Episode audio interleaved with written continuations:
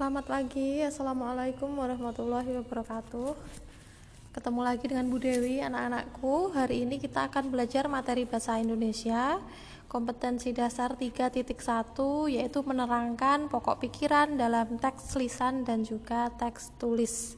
Nah, sebelum kita mulai pembelajaran pada hari ini, mari kita berdoa menurut agama dan kepercayaan kita masing-masing agar pembelajaran pada hari ini berjalan dengan lancar.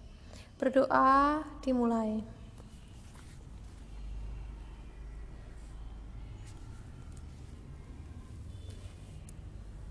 Berdoa selesai. Nah, mari kita mulai. Anak-anakku, silahkan yang sudah memiliki LKS, kalian buka LKS-nya halaman 10. Di halaman 10, kalian akan menemukan materi teks lisan dan teks tulis anak-anakku, tentu kalian sudah pernah menulis bacaan. Kalian e, kalau mau menulis cerita, tentunya ceritanya itu muncul beberapa paragraf. Apa tuh paragraf itu? Ada yang masih ingat nggak?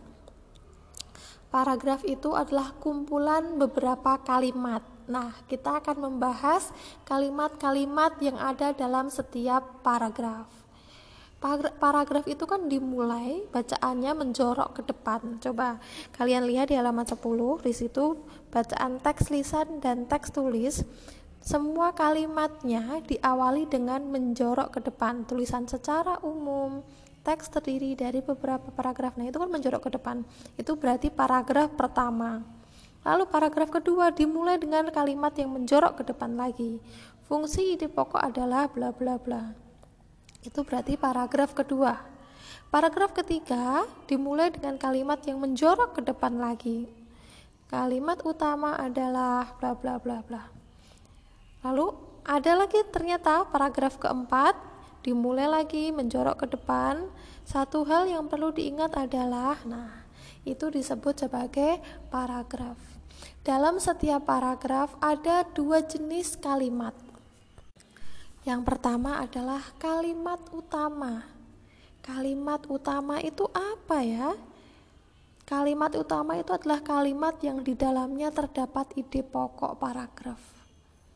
Kalimat yang menceritakan inti dari paragraf itu ada di kalimat utama. Ide pokoknya itu ada di kalimat utama. Selain kalimat utama, ada satu lagi kalimat namanya kalimat penjelas.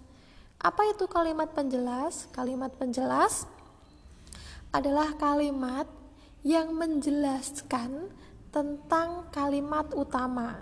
Jadi penjelasan dari kalimat penjelas itu berisi tentang penjelasan lebih lanjut tentang isi dari kalimat utama.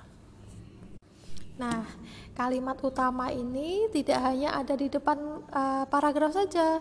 Kadang-kadang ada pertanyaan uh, dari paragraf tersebut, manakah yang termasuk kalimat utama? Kalian tidak baca tuh paragrafnya, langsung disalin aja kalimat yang pertama kali muncul, kalimat pertamanya.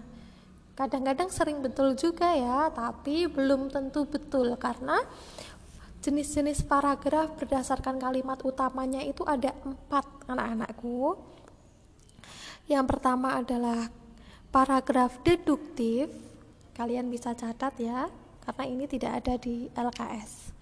Paragraf deduktif adalah paragraf yang kalimat utamanya ada di depan paragraf atau kalimat pertama yang muncul di paragraf tersebut. Itu disebut paragraf deduktif. Yang kedua, paragraf induktif, yaitu paragraf yang kalimat utamanya ada di akhir paragraf atau kalimat terakhir di paragraf tersebut. Lalu yang ketiga adalah paragraf campuran. Jadi kalimat utamanya itu ada di depan dan juga ada di belakang. Jadi campuran reduktif dan induktif. Itu paragraf campuran. Lalu ternyata ada juga namanya paragraf ineratif. Apa itu paragraf ineratif? Paragraf ineratif itu adalah paragraf yang kalimat utamanya ada di tengah paragraf. Nah, jadi kalian tahu kan, ternyata kalimat utama itu tidak hanya melulu ada di depan paragraf. Jadi untuk mencari kalimat utama kalian harus baca dulu itu. Bacaan dibaca dulu. Ini sebenarnya intinya ada di paragraf yang keberapa. Nah inti intinya itu disebut kalimat utama. Ada di kalimat utama bukan disebut kalimat utama maaf yang inti itu disebut ide pokok. Nah, ide pokok beda dengan kalimat utama Bu Dewi. Beda. Kalau ide pokok adalah intinya tadi. Ide pokok bisa disebut juga dengan gagasan utama. Ide pokok adalah ide atau gagasan yang menjadi dasar atau pokok pengembangan suatu paragraf. Letaknya ada di kalimat utama kalimat utama panjang gitu lah. Intinya kali dari kalimat utama itu apa? Yaitu disebut ide pokok.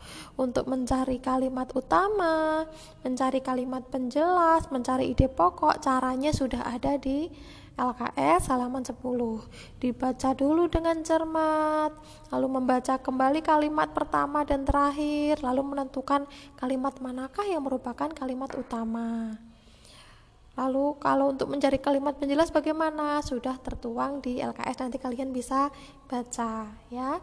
Nah, itu tadi penjelasan singkat untuk materi bahasa Indonesia ternyata cukup singkat ya materinya. Jangan lupa kalian tulis apa saja yang dijelaskan Bu Dewi. Ada beberapa hal yang tidak ada di LKS ya. Yang tadi dijelaskan deduktif itu adalah uh, paragraf yang kalimat utamanya ada di depan. Induktif itu paragraf yang kalimat utamanya ada di belakang. Lalu paragraf campuran itu adalah paragraf yang kalimat utamanya ada di depan dan di belakang. Sedangkan ineratif adalah paragraf yang kalimat utamanya ada di tengah paragraf. Sekian anak-anakku pembelajaran pada siang hari ini. Ini pagi apa siang ya? Oh, masih pagi. Ketemu lagi berarti hari Rabu ya. Jangan lupa kalau sudah uh, merangkum di foto dikirim ke Bu Dewi lalu di list jangan sampai lupa. Kemarin ada beberapa anak yang enggak mengelis jadi tidak muncul namanya di uh, daftar anak rajin yang di uh, posting Bu Dewi kelas 5 online ya sekian pembelajaran pada pagi hari ini. Wassalamualaikum warahmatullahi wabarakatuh